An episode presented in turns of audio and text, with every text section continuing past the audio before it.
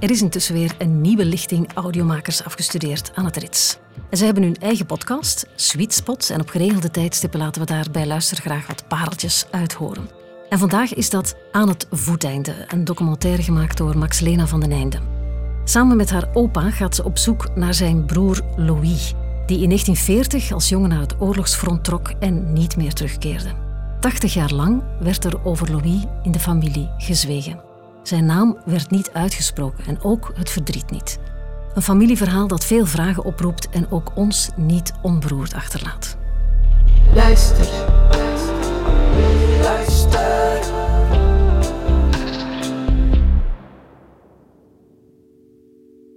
En een eerste appelsien die ik gekregen heb ooit, dat was van een Duits. Op school hè, stond een veldkeuken op een speelplaats. Van de Duitsers, waar dat eten gemaakt wordt. En, eh, die waren eten en we stonden daar te kijken. En die, en die had, kreeg een appelsien bij zijn eten. Je ziet mij staan en die komt daar en die geeft mij een appelsien. Ik had dat nooit niet gezien. En wist je dat je broers toen voor diezelfde mannen op de vlucht waren? Ja, maar dat besefte dan niet meer. Hè. Was ik zeven jaar of zoiets.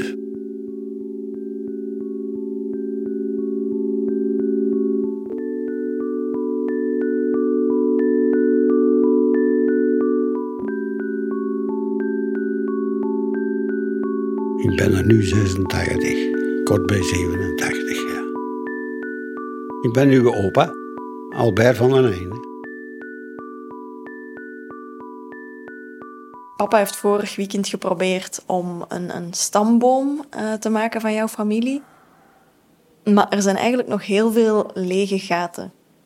Zie je het zitten om eens mee te kijken of dat we Ja. een paar dingen kunnen aanvullen? Dus we beginnen hier van boven bij jouw ouders, hè, Alfons van den Einde en Helena Swijns. Ja, En dan daaronder hebben we al hun kinderen. ja. Wij waren thuis met 15 kinderen. Ehm, en dat begint bij Louis, hè? Ja, Dat is de oudste. ja. Die is geboren in januari 1922. En Paul in hetzelfde jaar in december. Paul is er 94 geworden. En Louis, dat weet ik niet heel zeker. Die is achtergebleven in de oorlog. Dat weet ik. En dan ben ik het. En dan ben jij, dan ben jij de negende. Tiende. Ah, dan zijn we ergens fout. Wacht, opnieuw. Dus Louis 1. We hebben nooit een overlijdensakte van Louis gekregen. En we weten dus niet wanneer of van wat hij is gestorven. Dat weten we allemaal niet. En dan klopt het, hè. Irma is 11, Ja, André 12, André 12. Lea 13, Silva 14 Ja, en Jel 15. en Jel 15. Dus 15 kinderen. Ja. Moet ik eens zeggen hoe ik geslapen heb? Er waren zoveel kinderen. Hè? Er lagen drie zussen langs elkaar. En ik lag aan de voeten. Andersom. Echt waar. Nee. Ja. Echt. En bij wie lag je dan? Theresa en Rosa en, en eh Caroline Dijk. Toen was ik zes jaar. Toen is de oorlog uitgebroken. En eh, toen was dat bed leeg, maar die twee mannen in sliepen.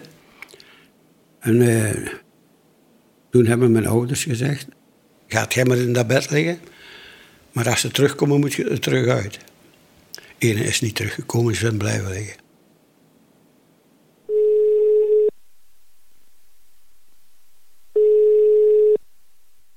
Ik heb gebeld. Met heel veel verschillende mensen. Rechtsarchiefkant, goedemiddag met Tanja. Hallo, met Van Balen. Met Ivan Horsten, goedemiddag. Algemeen Rechtsarchief, goedemiddag. Archief oorlogsslachtoffers met Gert, goedemiddag. ehm, om informatie te achterhalen Hoe noemt u oud oom waar dat je op zoek, allez, waar dat je informatie over zoekt? over uw broer. Louis van den Einde. Omdat ik er niet bij kan dat er Ja, dat er zo weinig over geweten is. Uh, allee, dat jullie daar nooit naar op zoek zijn gegaan en dat er dus helemaal geen antwoorden zijn uh, op de vraag wat dat er met Louise gebeurt. Of, of ja. Dus uh, als ik dat goed begrijp, is die broer al zo'n 80 jaar vermist. En zit hij daar nu met uw grootvader naar op zoek. Ah ja, oei. Uh, maar ik ga anders een keer iemand uh, van de directiesecretariaat doorgeven. Misschien als zij verder kunnen helpen. Een klein momentje. En ik verwijs u ook nog verder door naar... Uh... ik kan u doorgeven met Lisa. Ik zou toch ook contact opnemen met... Maar ik ga u even doorverwijzen naar... Je kunt bellen naar het infopunt gemeentelijke begraafplaatsen. Ik ga even kijken als ik haar nummer heb, maar... 03 374 224 Zo bent u door, hè?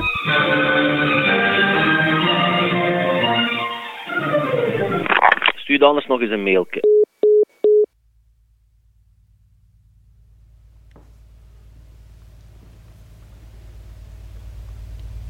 Het vertrek, dat staat nog altijd in mijn geest. Ze zijn met de fiets vertrokken richting Antwerpen. De enige fatsoenlijke kleren die ze hadden, hadden ze aangedaan. Uh, Polt had een jas aan, een sportjas meer. En mij staat nog altijd voor dat Louis een volledig kostuum aan had. Maar het was in alle geval het jaar dat ze 18 werden, dat ze beide vertrokken zijn. Dat ik vrij zeker van ben, is het gewoon dat ze vertrokken zijn, rond de 11e waarschijnlijk, dat de oorlog begint. En er zijn bombardementen, denk in Balen en zo verder, wordt er, de Leopoldsburg wordt er gebombardeerd en, en die, die zijn in dolle paniek. Je weet niet wat dat is. Hè. En natuurlijk van hun ouders en weten ze wel van de Eerste Wereldoorlog. En plotseling komen die te weten dat de 16 tot 35-jarigen die moeten vertrekken. En dat is volledig chaos. Niemand wist waar dat die heen moesten. Er was geen plan. Dat was zo wel wat, hoe moet ik dat zeggen, zo'n wanorde zo wat, ja, schrik. Hadden die allemaal. De ene de andere bang. We gaan alle jonge gasten naar uh, het zuiden van Frankrijk brengen. Die vertrekken gewoon richting het Albertkanaal en die, die rijden dat gewoon af. Die komen in Antwerpen, die hopen de informatie te krijgen, die horen dat niet. Die oké, okay, dan fietsen we verder. We moeten tot in Ertvelden ergens geraken, Eeklo. Daar is dat weer al chaos. Hè. En elke keer moeten die zo wat improviseren. Komen die uiteindelijk in Frankrijk terecht en zien die hun eerste Duitser en denken die, we gaan terug. En dan zijn ze tot in Belm geraakt. Dat is dan de plek waar dat ze in dat kippenhok op die, op die boerderij hebben gescholen. Ja. En in Belm, paf. Dat kippenhok wordt beschoten, Paul rent weg en Louis. Zat hij dan alleen in dat kippenhok? Of? Dat er chaos was en dat niemand wist waar dat Louis was, is heel logisch. Want hoe lang zijn ze in totaal weg geweest, Paul en Louis? Dat kan ik niet juist zeggen. Nee. En weet je of het maanden of jaren? En ik kan het niet zeggen.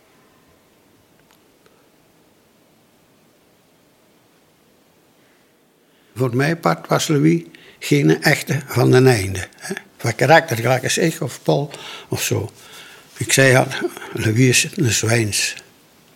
Van moederskant. De Zwijnse waren er zo. Hè?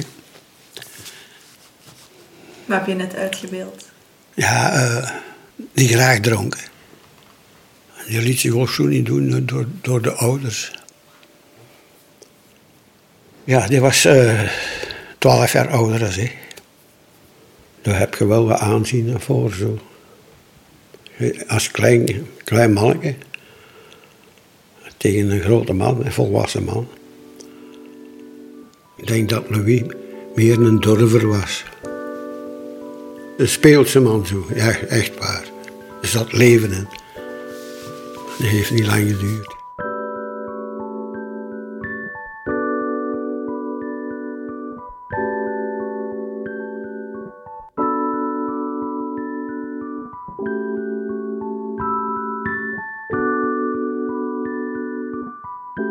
Ja, je hoopt altijd nog dat hij terugkomt. Maar de lange duur moet je toegeven dat hij ermee terugkomt. En omdat ze nergens niks gevonden hebben van een lijk, of, was dat moeilijk. Hè? Ja, ik denk, toen de Paul teruggekomen is, dat hem de waarheid niet direct heeft kunnen vertellen. Hè? Alleen nog wat hoop gelaten. En hoe lang hebben ze dan die hoop gekoesterd van wie weet? Misschien twee jaar. Meer niet. Dus twee jaar hebben ze Toch hoop gehad. Ja.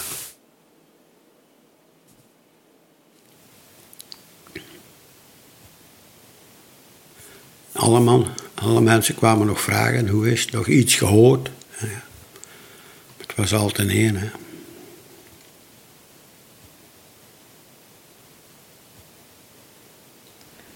Want is jouw band dan veranderd met, met Paul toen dat hij terugkeerde van de oorlog?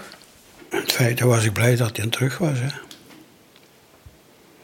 Mocht ik bij hem slapen. Ja. Toen die trouwde is André komen bij me liggen. Je hebt nooit het bed voor jezelf alleen gekregen?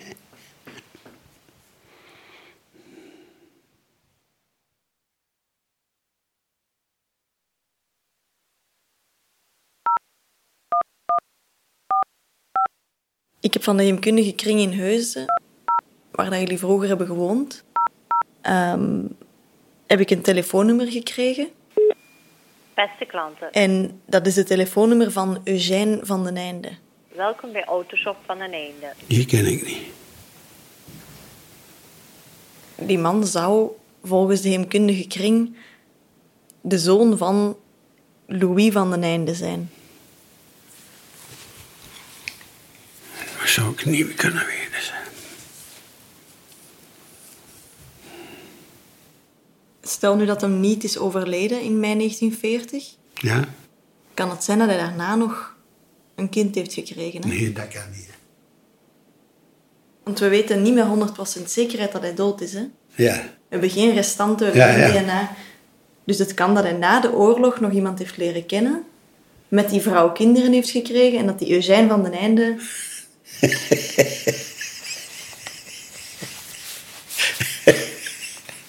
In theorie kan het, hè? Ja, maar dat klopt niet, hè, in theorie. Waarom niet? Nee, hij is gestorven. Maar daar hebben we geen bewijs van. Nee, nee. Dus stel Ja, dat hij niet is gestorven toen. en wat je zegt, die heet Eugène. Eugène, ja. Wat is daar zo grappig aan? Ja, dat vind ik grappig aan.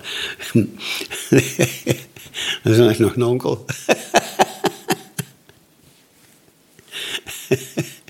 Ja, als dat een van Louis is, dan ben ik de onkel. Hè. Die is ook wel kennen. Maar ik heb nooit niet geweten dat er van den einde in Heusden gewoond heeft. Maar er is wel een autosalon van den einde, hè? Langs de Berische Stevig, maar die is... Van welke eind, van de eind dat die afkomstig is, dat weet ik niet. Dat is van Eugène van den einde. Meent je dat? Ja, En leeft hij nog? die man. Ja. Ja. Dus die probeer ik nu te pakken te krijgen, maar dat is niet zo evident. Tussen 12 en 1 zijn we gesloten. Ga er een notte laten wassen door. Voor onze andere openingsuren verwijzen we u graag naar onze website of onze Facebookpagina. Ja, maar de, wereld, eh, de wonderen zijn nog niet uit de wereld uit. Zo. Als dat wordt, dan drink ik meer stukken met een kraag. Wat blijdschap.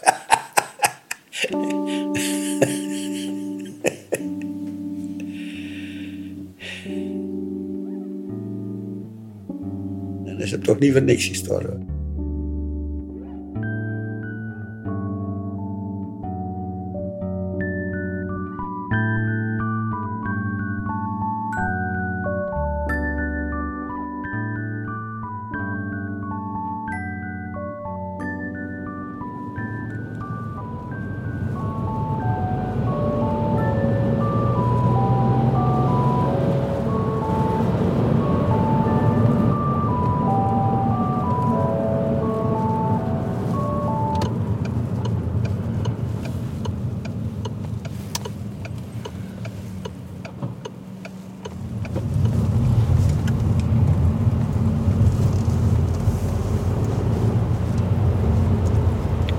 Waar stond die boerderij ergens?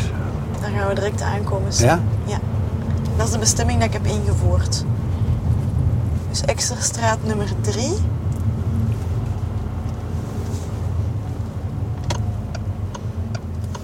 Daar komen we direct aan. Ik ga ons hier even aan de kant zetten. Hier is dus vroeger die hoeve geweest. Hier. Ja, kijk, nou, je ziet het op eh het huisnummer staan, nummer Ja. 3. Ik wil eens een beetje verder rijden, daar kan je nog een stuk groen zien.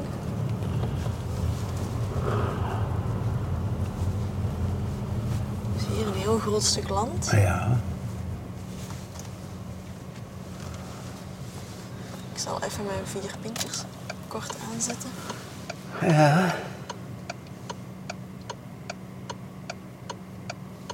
Zullen we anders even proberen een auto ergens te zetten dat we een stukje kunnen wandelen daar? Ja, dat mag. Dat Ja? mag, ja.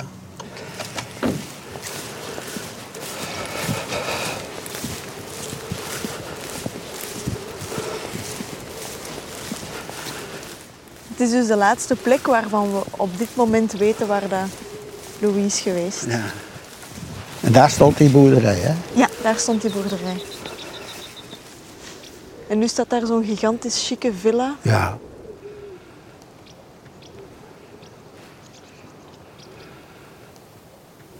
Maar op het moment weten we nog niet waar Louis is, hè. Het lichaam. Paul heeft hem niet gezien dat hem dood was, hè. Dat heeft Paul niet gezien, alleen dat hem gekwetst was. Want Louise eh, was volledig geraakt in zijn buik. En die hield zijn buik vast met twee handen. Met een buik, met een buik, zei hij.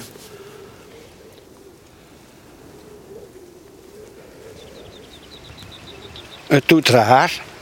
Ja, je kunt me haar niet schatten dat hier oorlog geweest is. Ja, als je dat zo ziet, in die tijd. Dat is meer dan 80 jaar geleden.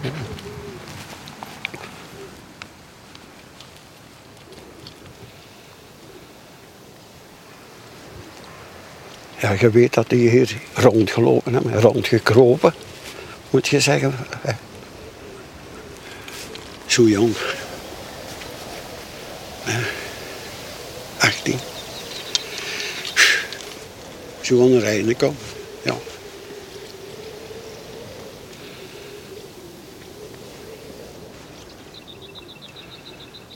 Ja, we zullen nooit niet weten of hij nog lang geleefd heeft. Hè. Als ze toen er meer over gesproken hadden, hadden we iets geweten. Hè. Ja, zou maar alle twee kunnen dood zijn.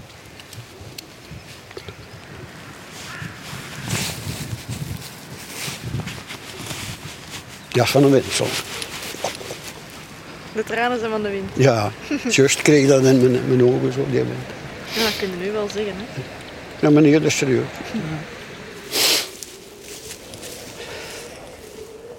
Ik had zo wat gehoopt dat de boerderij er nog wel zou staan. Dat we konden zien waar ze zich verscholen hielden. In dat kippenhok.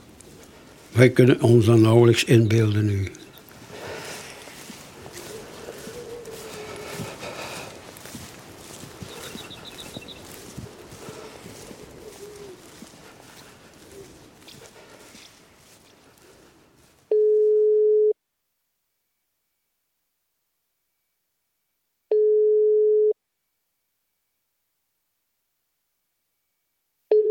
Hallo, van mijn einde. Goedenavond, u spreekt met Max Lena van den Einde. Ja, Ik ben eigenlijk samen met mijn, eh, met mijn opa, Albert van den Einde, op zoek naar informatie over zijn broer Louis, die hij intussen eigenlijk al acht, eh, 80 jaar niet meer heeft gezien. Eh, en via de heemkundige kring van Heusden kwam ik uit bij jou en mogelijk jouw vader. Hebt u, hebt u een Louis van den Einde in uw familie? Ja, mijn vader was Louis van mijn einde. Maar die, zijn broers en zo, die, die kennen, die kennen. Enfin, komt, de meeste zijn nog overleden.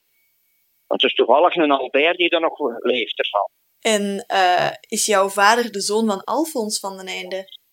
Hoe zegt je? Heet eh, uw opa Alfons van den Einde? Mijn, mijn, mijn bompa die heette feitelijk Jean. En uw oma, als ik dat mag vragen? Marie. Die heten niet Alfons en Helena. En die broer, die Albert heette, is over veertien dagen overleden. Die stond in de gezet. Hetzelfde geschreven als ik. Maar vier jaar jonger als ik. Nee, dat kon, dat kon bijna niet. Hè. Maar weet je nog meer? Nee.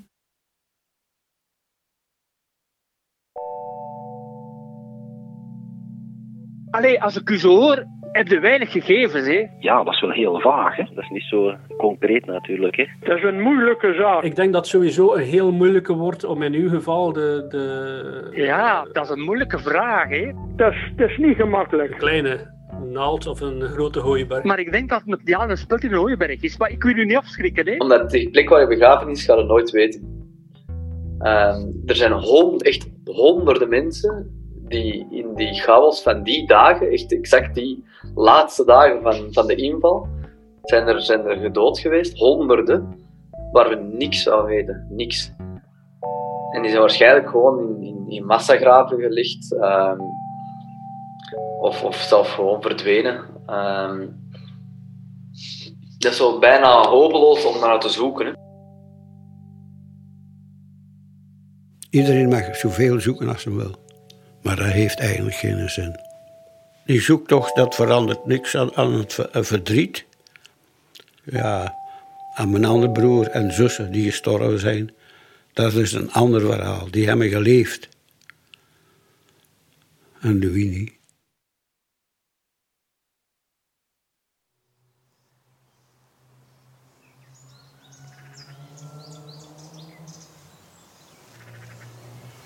Dit is hier het kerkhof in Heusden waar mijn familie ligt. Ouders, zus, schoonbroer, neven. Naar wie gaan we nu? Naar mijn moeder.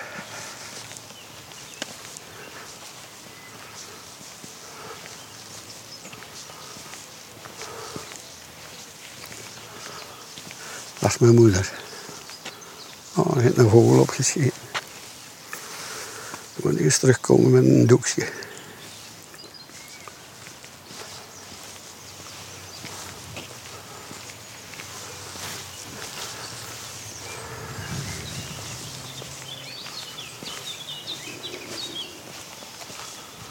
En ik weet al waar ik later kom zitten. Hè. Op het graf met oma. Heb je dat al aangevraagd? Ja, dat is al beslist. En mijn oma een beetje dieper gestoken. En dan kunnen ze mijn potten er bovenop zetten. En dan ben ik de baas, want dan zit ik van boven. maar wanneer ik kom, dat weet ik nog niet. Hè. Gelukkig maar. Wacht daar nog maar even mee. Ja. Zolang ik zo blijf, zo.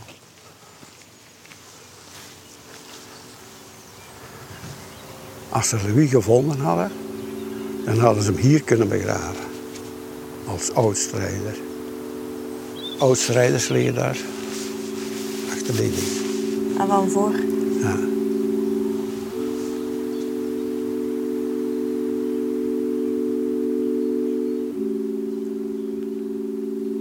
Die konden dat niet laten zien. Hè, dat je de kinderen graag ziet. Dat je deze wilde knuffelen. Ik denk niet dat dat toen bestond, knuffelen. Ik ging naar het leger en dat was voor twee jaar. En ik vertrok dan en ik moest met de bus naar Hassel. En ik wilde mijn moeder voor vastnemen, voor eerst een knuffel te geven. En hij mocht niet. En ik was weg, toen heeft ze geweend. En mijn andere zussen gezegd.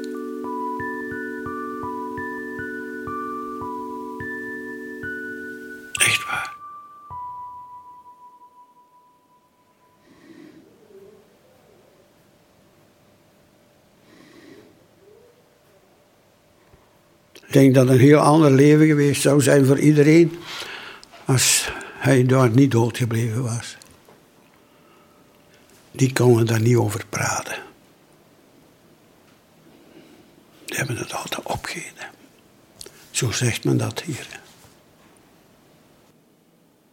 Hadden ze dan milder geweest, denk je? Mulder. Ik heb nooit geen slag gehad, dan niet. We hebben nog altijd eten genoeg gehad. Ja, er waren boeren en er waren eten genoeg. Maar vriendelijk zijn is iets anders. Ja, ik kon er niet meer lachen, want die, dat verdriet zit in u en je brengt dat niet uit. Zelfs een foto was er niet te zien. Die hadden ze. Maar dat, dat mochten wij niet zien. Voor mijn moeder vind ik dat heel erg. Hè? Die heeft hij op een wereld gezet. Dat was haar eerste zoon, eerste kind.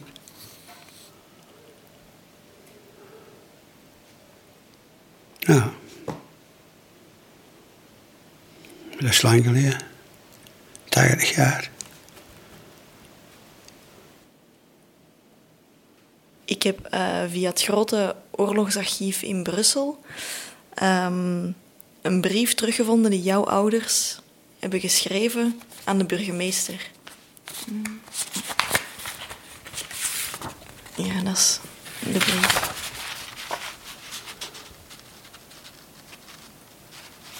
Kan je het lezen? Ja, ja. Geachte heren, steeds vijf jaar koesterden we alle hoop en zochten langs het Rode Kruis van België, maar tevergeefs. Niets nieuws werd van onze oudste zoon, kostwinende zoon, die op 11 mei 1940 achter, de Bel achter het Belgisch leger gezet werd ontvangen. Vandaar, beste heren, hebben we eindelijk de moed opgegeven en denken dat, we, dat hij vermist is in Bel. Daar werden ze erg gekwetst en naar een veldhospitaal gebracht waar ze verzorgd werden. En daarom, beste heren, is het onnodig nog iets, nog ergens inlichtingen te vragen. Ik vraag u ons plezier te doen indien u kunt en daarom heb dank op voorhand. De beste groeten van Van den en Alfons, aantekening der ouders, onleesbaar, Hulen Ja. Ah, dat wist ik niet. Nee.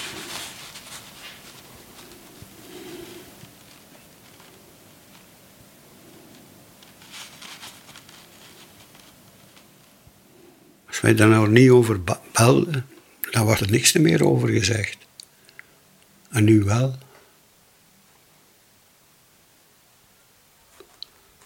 Nou hadden we vroeger misschien thuis meer moeten doen, daarover praten.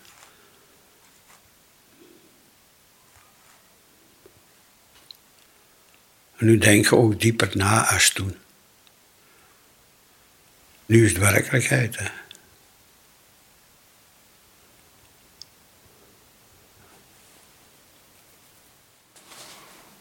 Wat bedoel je daarmee? Ik denk dat ik oud genoeg ben om te mogen sterven. Of te moeten sterven. 86. Ik word 87. Ik heb het gehad.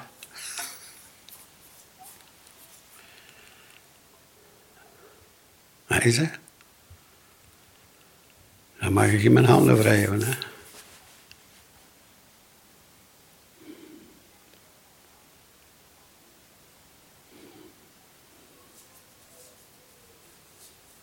Nu komt, nu komt alles nog eens terug boven. Wat je weet, hoe het geweest is. En dat mag ze.